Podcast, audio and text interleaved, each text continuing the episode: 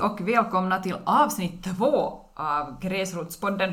Den här gången ska vi som utlovat prata om julen. Och med mig har jag då Jenny Sinisalo och jag heter Elena Hortana. Närmare presentation av oss om ni är hemskt nyfikna på vad vi är för personer så finns i avsnitt ett. Backa tillbaka till det ifall ni vill veta mer om oss. Julen, ja, Jenny. Ja, dagens avsnitt så handlar faktiskt om en hållbar jul. Det kan ju innefatta ganska många saker. Skulle du vilja lite öppna upp vad vi tänker kring det här avsnittet? Ja, jag tänker sådär att inte man tänker sig ja, hållbar jul, vet du, kottar till julklapp och det ska vara att det blir sådär väldigt, får inte köpa någonting man ska, utan mera sådär, vi tänker att tangera både konsumtion, om gåvor, om eh, julstressen, om alla de här borden. Jag hade skrivit i mina anteckningar att julen är lika med additionssjukans högborg. Så hade jag skrivit igår kväll när vi planerade det här avsnittet.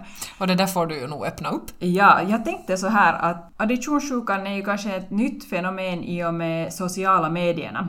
Man eh, scrollar till exempel på Instagram och så ser man att någon bakar och någon tränar och någon... eh, Folk gör lite olika saker och så tänker man alla andra gör men inte jag. Och jag tänker då med julen att här kommer ju nog additionssjukan till sin rätta för att då, jag tänker mig att många kanske bläddrar bland vackra julbilder redan så här långt innan jul och, och så tänker man oj nej att jag borde ju också baka själv, vi borde, jag borde lussa med barnen, jag borde göra de där julkorten, jag borde tänka ut hållbara fina presenter. Jag borde ju uppvakta dagispersonalen, ja, de där kommer ihåg att binda kransar och det blir så vackert och de lagar alla lådor själva och de reser runt till mostrar och fastrar och, och sånt här. Att man tänker att alla andra gör så mycket och alla andra gör, fast det kanske är någon här och där. Och så tänk, får, landar det över en och är julstressen ett faktum. Ja, sen kan det ju vara så att man, man kanske då i sitt flöde ser en hel massa olika människor som alla kanske gör kanske en liten grej och någon är kanske jättejulmänniska och en annan är inte så mycket men att man ändå anstränger sig och sen plötsligt så du tar en bit information härifrån och därifrån och så hittar hjärnan på resten och fyller i. Mm. Och då plötsligt så har du framför dig i ditt huvud en sån här idealmänniska som gör allt och som man kanske då själv försöker leva upp till. Och det här är ju inte kanske ett problem heller om man, om man upplever julstressen som positiv stress, att det är sån här roligt görande och lever igenom den mörka perioden på det sättet att man får förbereda och man, man lever sig in i, i julen. Men att eh, det finns nog också de som upplever det här som negativt. Och då kan man ju fundera att ska man behöva hålla på med sånt där man drar sig själv till ett sån punkt där du liksom kollapsar senast i mellandagarna och bara behöver återhämta dig från liksom allt ståhej. Det är ju helt fine om man tycker att det här är roligt och det ger bara glädje och man mår bra, så då, är det ju, då kan man ju bra börja köpa sina julklappar i juli och pynta i oktober och ha allt färdigt senast i november. Men om man upplever att det är jobbigt och tråkigt så då går det lite ut över alla andra och det blir ganska eländigt i sin helhet. Då tänker vi så här att man skulle kunna tänka mera på att vad ger glädje? Att hurdan jul vill man ha och hurdan vill, jul vill man vara med och skapa? Vad är viktigt och vad är viktigt inte kanske enbart för dig själv utan också för din familj under julen? Vårt ledord kanske i det här avsnittet är det här att välj det som skänker dig glädje. Skänker det dig glädje att besöka sju mostrar och tre fastrar just innan jul och under jul, kör på det. Jag är inte alls en sån här bakare och det har tagit mig många år att inse att bara för att andra tycker om att baka och laga mat så behöver inte jag göra det. Det här gäller liksom året runt men också vid jul. Jag köper min pepparkaksdeg fast det säkert finns mycket hållbarare sätt att, att man tillverkar den själv och många har sagt att men det är ju så lätt att göra pepparkaksdeg. Jag sa nej, jag tar inte mig tiden. Fast jag sen har lite dåligt samvete för att det är palmolja i den där eländiga butikspepparkaksdegen. Men jag står inte och lagar den helt enkelt. Det ger inte mig någon glädje. Barnen är lika glada när de kavlar upp den där upptinade och vi, vi gräddar den och alla är glada. Men jag bakar inte pepparkaksdeg. Och jag tycker inte alls om pepparkakor, så jag kommer inte ens så där långt vet du. Jag, jag får inte ens köpt den där degen, jag får inte ens just och just köpt de här färdiga pepparkakorna, men det är nog för att vi bryr inte oss så mycket om pepparkakor överlag. Då har jag liksom valt att jag kan äta choku hela året. Att jag kan, jag kan vara den som inte bakar sött någonsin. Mm. Att det, det betyder inte att inte jag skulle äta socker och, och äta sött, men att jag kan välja vad det är jag äter. Och då är det nog choklad som det landar på liksom till 100 procent. Men vad skänker dig glädje med julen? Om du skulle ge några tips här på vägen, att vad, vad, vad, vad är det med jultraditionen som du tycker om? Jag tycker om det där att det är en lugn takt. Så därför så reagerar jag ganska kraftigt på det att om jag ska börja hoppa in i någon slags så här julekorrjul utöver det där vanliga som man hamnar rulla i. Jag tycker liksom, jag uppskattar en lugn takt då får jag får göra saker och ting i lugn och ro. Vi har till exempel alltid haft så att julgranen kommer in dagen innan julafton. På julafton så pyntas den. Mm. Och det här är någonting som jag har tagit med mig också i vuxenlivet. Det är en, så här, det är en programpunkt på julafton. Precis. För då får man göra det i lugn och ro. Faktiskt, jag tror att i fjol var det så att vi gick efter granen på julafton och den pyntades först på juldagen. Okej, Och det gick så helt... skönt. Det var så skönt! Det var så bra. Mm. Det behöver inte alltid vara på ett visst sätt. Faktiskt, så den barrar där några dagar och sen åker den ut. Att få pynta julgranen på julafton, det är kanske min sån här riktigt favoritgrej. Allt annat får liksom byggas upp kring den här upplevelsen. Precis. Ja. Jag tycker om kanske den här gemenskapen och att äta gott. Vi brukar oftast fira julen i ganska stort gäng och, och det har varit, tycker jag, roligt. Och det är den där sammanhållningen och det där att man, man får vara många och, och ha lite så här traditioner och sånt här. Och sen tycker jag nog att det är ganska trevligt det där att kunna ha lite ljus och att hänga upp den där, just den där ena stora stjärnan i fönstret. Den, den hänger nog nästan hela vinterhalvåret för den är på något vis sådär det ger en viss sån stämning. Men ni fi- firar ni då med stort gäng på julafton? Ja, Det är alltid så. ja. Ja, för vi har nämligen så att vi kan fira jul egentligen redan före jul eller det kan vara någon gång i mellandagarna men oftast på julafton så är folk hemma hos sig liksom i vår familj då. ja. Att alla är hemma hos sig och sen träffas man då antingen innan jul eller efter jul. Att vi har en sån här familjejulsdag som vi väljer Mm. på förhand och då äter vi gott. Det byts inte egentligen några presenter då alls. Så, så, här, så här är det hos oss. Julstressen var vi ju redan lite inne på här tidigare, att mota den i grind med att fundera åt vad skänker dig glädje, gör det istället. Hela vintern har egentligen blivit en enda konsumtionsfest och det får mig att, att få lite rysningar för det börjar egentligen redan vid Black Friday, inför i slutet av november. En sån där tradition från USA som inte jag nu kanske är så jättetänd på, om vi säger så. Och ända ut till att julrean är utdansad där någon gång, så är det specialpriser, köp, köp, köp. Ja, man kan utnyttja de här reorna på vettigt sätt, men ger en viss känsla av att man borde köpa och passa på allt möjligt sånt här. Att, att håll, ha lite is i hatten där skulle jag nog ge som tips kring jul. Att kolla faktiskt att är de där priserna vettiga? Är det faktiskt rea? Och behöver man verkligen det? Eh, kring julklappar som du nämnde redan här så jag och min man, vi har som tradition att vi köper varsin julklapp åt barnen. Och sen får de några enstaka presenter sen från, från annat håll. Att de har ganska rimlig mängd. Det är viktigt för mig. Jag tycker att julklappar är viktiga med, och de, de, de är en del av jultraditionen, men jag tycker inte att det behöver vara massor i överflöd. Vi har ju faktiskt inte, vi har inte barn så vi har inte behövt fundera på det ännu. Men att till exempel åt min, åt min systers dotter så, så jag köper ingenting. Och inte åt fadderbarn heller för jag tänker att, att man får så mycket. Jag ger tid, då när jag har tid så ger jag det istället. Mm. Det så har jag löst för jag tänker att ganska många hushåll har så många prylar redan. Det behövs inte den där ena som jag har krystat fram. Vi byter inte sinsemellan ju- julklappar men, men utan vi tar istället att vi har liksom tid tillsammans. Och det har varit det där som har varit det där viktiga. Mm. Sen kan man nu kanske då tänka att det finns en viss sån här slentrian julklappar som man tycker att man borde ha någonting åt jättemånga olika bekanta, halvbekanta, man borde liksom komma ihåg dem med någonting. Just de här glöggflaskorna eller julchokladen eller olika sådana julprylar eller pynt eller någonting sånt här. Att, att det har jag löst med att många år haft tradition att skicka julkort. Nu har jag inte skickat på några år för att jag har inte funnit mig tiden att göra det, men jag började för länge sedan redan att pyssla julkort för det gav mig någonting och så skickade jag till dem som jag annars skulle uppvakta med en gåva. Eh, så fick man ett kort istället. Det kändes liksom hållbarare och rent ekonomiskt också bättre än att köpa då har du satt ganska mycket tid på det här. Jag, jag vet ju att jag hör ju till den, den här mottagaren. Ja. De var ju jättefina och jag har faktiskt sparat ganska många av dem. Att de var ju som konstverk så de var ju nog faktiskt gjorda med omtanke. Ja, men nu har jag som sagt inte gjort julkort på några år för jag tycker jag har inte funnit den tiden. Då har jag kapat den stressen.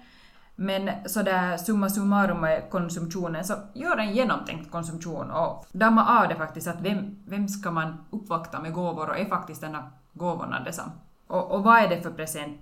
Tänk igenom julklapparna i tid. Om det är en stressfaktor för alla liksom inblandade så är det nödvändigt att man fortsätter mm. med det. Men det finns ju nog, jag har inte själv provat och vi har inte faktiskt inom familjen så byter vi inte mera julklappar utan vi, vi ger faktiskt en summa till välgörenhet. Julklappsring har ju mm. många. Ja. Att man köper, man lottar ut och, och, så köper man då en present för ett visst värde som man har bestämt på förhand. Och det är ju ganska fiffigt och då blir det inte så jättemånga presenter utan var och en kanske får en tilltänkt julklapp då. Ja, det är också en bra idé att man kan minska det. Då får man kanske en lite värdefullare julklapp eller en lite genomtänkt, mera genomtänkt. Eh, värdefullt betyder inte alltid kosta mycket utan kanske också på annat sätt värdefull än att man får de där eh, slentrianpresenterna. Jag tog här faktiskt på skoj och tänkt, tänkt lite att, att, att om ett barn får tio julklappar varje jul, på, det, kan man ju, det är ju ganska lätt att ta gånger tio, mm. att på, redan på tio år så blir det hundra prylar, mm. 20 år, 200 prylar, mm. och det är bara ett barn. Ja, och det är bara julen. Så man kan ju tänka, hur vill man ha det?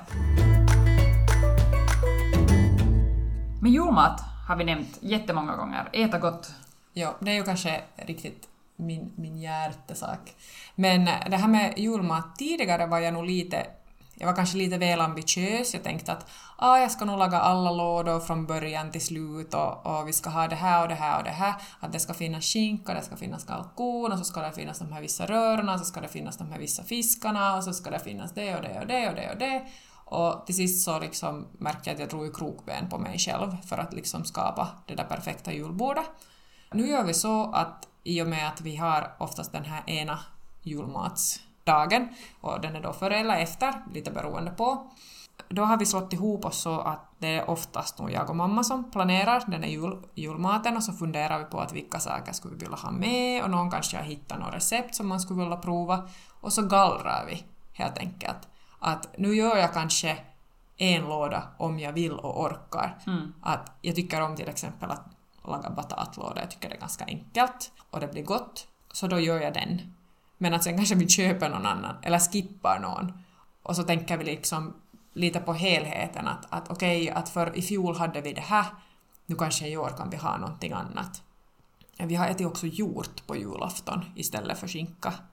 Vi har också ätit en sån här siklöja, tror jag vi åt med min man här en, en julafton, och mm. mos, mm. potatismos. Att vi åt liksom vanligt på julafton men sen hade vi den här familjejulen. Så det har varit ett mer fungerande koncept. Och en annan sak är det att det blir inte lika mycket svinn. För att sen om man eller går in med den här tanken att, att nu ska vi ha till exempel morotslåda, att det får absolut inte ta slut. Så då äter man morotslåda ännu på midsommar. Eller hittar den där från föregående jul nästa, nästa jul från frysen. Det är ju inte sådär superskoj jag är inte så sugen på morotslåda vid påsk. Nej. Att lite tänka kring den här mängden, att behöver man ha så mycket av allt, mm. kan man dela upp det på flera dagar och sen när det kommer till det där att, att behöver man själv vara den som lagar allting eller kan man dela upp det på flera? Eh, det var tankeväckande för mig för vi har ganska många år redan firat jul tillsammans med ungefär samma koncept och samma gäng ja det här börjar kanske vara en, vad ska vi hitta på, åtta år sedan, så stod jag i ösregnet, ja, jul, södra Finland, ösregnet, och slängde helt oöppnade hemgjorda lådor i Roskis. Och det var på något vis en sån där tankeväckande för mig, saker att vi har det. Efter det så har jag blivit ganska nitisk med hur mycket som lagas och köps in. Jag, de, har nog, de andra har skrattat mig emellan för att jag har varit så hård med det här, men vi har tillsammans sen nu många år redan gjort listor, vem som köper vad, och vi har kommit ner till ganska rimliga mängder. För handen på hjärtat, vem vill ha julskinka ännu nästan vid nyår? Hej, ett tips där. Vi har faktiskt därför också lämnat bort julskinka för den är så mycket billigare efter jul. Så vi har faktiskt köpt skinka efter jul också. Okej.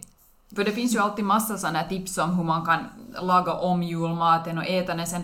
Men jag tror att de flesta börjar vara ganska trötta där, vad blir det, 28 december på att äta den där julmaten. Tänk hellre liksom på mängden in för att det kommer sen ett stopp att man kanske inte vill ha så jätte- jättemycket. Att vi har hellre valt att då att det är små mängder av det mesta. Och saker och ting får ta slut på julen. Det är, ju bara, det är ju bara en positiv Ja. sak att oj, nu åt vi slut den här, vad bra! Ja, det tycker jag också att jag har stått där och hurrat när laxen har tagit slut. Vad bra, nu behöver vi inte förvara den, nu behöver inte ta fram den, nu behöver inte hålla på och värma på den här maten och sånt här. Att sätt lite tanke på, om, om, man, om den här matdelen är en viktig del, sätt tanke på då inköpslistor, hur mycket ska man ha och vem som ska köpa den, för den är ju inte helt billig heller. Nej, det kan bli ganska dyrt faktiskt. Mm. Att det, det är ju också en investering. Och då tänker jag att, att då kan man ju fundera på att, att behöver man liksom få så att alla får cirka, låt oss säga 200 gram lax på en julafton då Mm. det finns mycket annat också. Det säger sig självt att det, blir, det kommer att bli matsvinn. Ja. Eller det kommer att bli mycket över som kanske ingen vill ha Mm. den tredje dagen mera. Precis. Om man är flera vuxna som deltar i, eller flera hushåll kanske också, som deltar i, i ätande så är det också, tycker jag, att i del, då ska man också delta gärna i, i kostnaderna, i inköpen och kanske då tillredningen ifall man älskar att, att baka och laga julmat. Att det inte blir på ett hushåll som ruineras varje jul, för att julen är en ganska dyr historia redan och alla har inte sådär jättemycket pengar. Hur tänker du kring eh, julpynt? Jag vill nog, jag är annars också minimalist när det gäller saker, så jag har samma grejer som jag lyfter fram varje år. Jag har min julstjärna i fönstret och så har vi några saker till. Nu har jag faktiskt tänkt vara lite wild and crazy i år och kanske köpa någonting lite till. Men det går ju lite trender i hur julen ska se ut och det är ju kanske lite sådär farligt, tycker jag, med tanke på konsumtionen. Jag eh, föredrar ju kanske sån här lite gammaldags äh, julpynt, så Mm. jag har faktiskt såna som är ärvda, vissa ärvda Mm. julpynt som jag plockar fram, gärna varje år. Och sen har jag också fyndat en hel del på loppis. Och det som jag märkte är att äh, när jag bott i södra Finland och Österbotten, så alltså det här låter helt galet, men alltså granarna i Österbotten, att de håller inte samma julpynt som här nere. Ja, intressant. Nej, det, ja, det är helt sant. Så det som fungerar bäst i Österbotten tycker jag är just den här till exempel ähm, pynt gjorda på halm. Mm. Och det går jättebra att fynda på loppis, olika sådana, så jag har ganska mycket av sånt.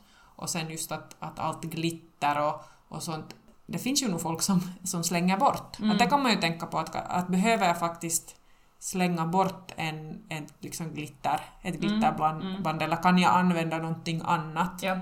Att vi har till exempel flaggor och sånt. Att redan det där att om man har omtanke när man placerar ut det i granen så kan man få det löst också helt. Och kanske just när man inhandlar sin, sitt julpynt och sådär, att, att tänk på att köp gärna sånt som du vet att du kommer att vilja ha flera år. Och samma också med, med julklappar och sånt här, att, att det där paketeringspappret har ju varit på tapeten många år. Att hur kan man slå in julklappar vettigt? För det ska absolut inte brännas i kakelugnen hemma eller i köksspisen hemma, det där julklappspappret.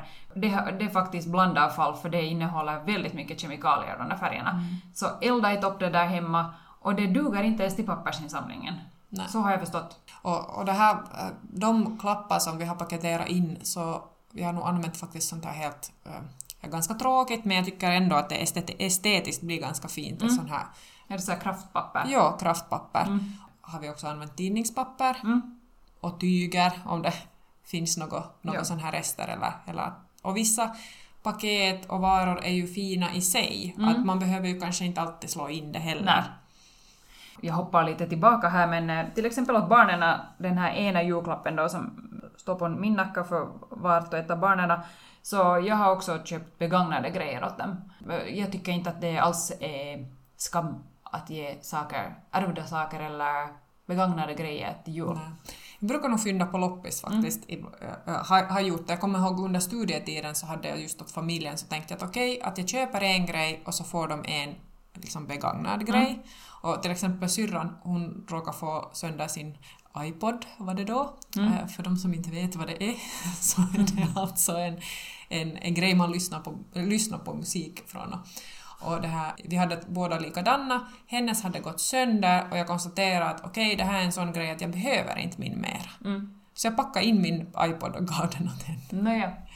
Det, det här kräver ju förstås att köpa begagnade julklappar, så kräver en viss förbehållning. Man måste ju börja tidigt. Jag hade förra året så köpte jag några leksaker som jag visste att, att dottern skulle gilla, så de tror jag att jag fyndade på något Facebook-pryltorg i augusti eller någonting och så hade jag dem gömda hemma sen dess. Att är man inte intresserad av att sätta det här så fundera då att om du köper nya grejer, att hur mycket blir det av dem sen? Men jag tycker faktiskt äh, att nu när vi har pratat om det här att slå in saker och köpa saker, jag har en känsla av att, att folk skulle kanske ha blivit lite bättre på hela den här hållbara julen redan de senaste åren. Jag tror att det har varit ganska mycket ändå på tapeten att, Mm. Att hej, att, att nu är det julstress och nu faller man igen i ett sånt här visst, Ja. visst system. Och, så jag håller nog helt med att folk har nog blivit lite bättre på Ja. det där. Ja, jag tänker också det här med den här att vi har blivit bättre på julen, kanske den här de här, I vår ålder städar inte till exempel lika nitiskt inför jul som våra tidigare generationer har gjort. Att, att just städningen tog jättemycket tid, att alla skåp skulle skrubbas och det kanske var ett system att då visste man att allt är genomgånget inför jul, men måste man göra det inför jul när det är ändå liksom väldigt mycket annat? På det viset nu när vi har diskuterat det här så känns det ju som om att hej, att vi har ju nog kommit en bit på det här. Att det finns många sätt att göra rätt också vid julen. Mm, jo, det stämmer nog. Uh, vi, och, men sen är, vi är ju inte kanske riktigt de här superjul superjulnördarna, att vi är, inte, vi är ganska måttliga julfirare Ja, själva. ja. Och då kanske vi har den där känslan av att, att Mm. det slår inte kanske över för oss. Det kan ju hända att någon sitter nu hemma och säger nej, att ni har helt fel. Men den här känslan har jag lite fått. Efter julen så blir det ju nytt år och nya tag tänkte vi, för så har vi tänkt att nästa avsnitt ska heta Nytt år, nya tag. Vi har tänkt syssla med konkreta miljötips och där vill vi nog engagera er gärna. Eh, vi finns då på sociala medierna både på Facebook och Instagram som Gräsrotspodden. Där kan man höra av sig, man kan eh, höra av sig andra vägar också om man, om man vill. Vi kommer förstås att ställa frågan också där. Vad har du för konkreta tips? Vad gör du i din vardag? Sådana riktigt konkreta grejer för miljön. Så har vi ju alla våra guilty pleasures, det vill säga sånt som man gör fast man vet att det här kanske inte är det bästa för miljön. Och eh, de delar vi förstås också med oss av våra egna eh, guilty pleasures och våra tips, men gärna så att vi skulle få lite eh, bredd på, på tipsen. Så hör, hör gärna av dig. Ja, berätt, berätt ni era för oss så vågar vi berätta våra för er. Nya tag, nya tips 2022. Hör av er, berätta. Och eh, förstås får man annars också höra av sig. Tips på avsnittsidéer, ris och ros. Vi, vi tar gärna emot uh, lite feedback. Men tack för det här avsnittet och god jul får vi väl säga. Ja, god jul! Tack och hej!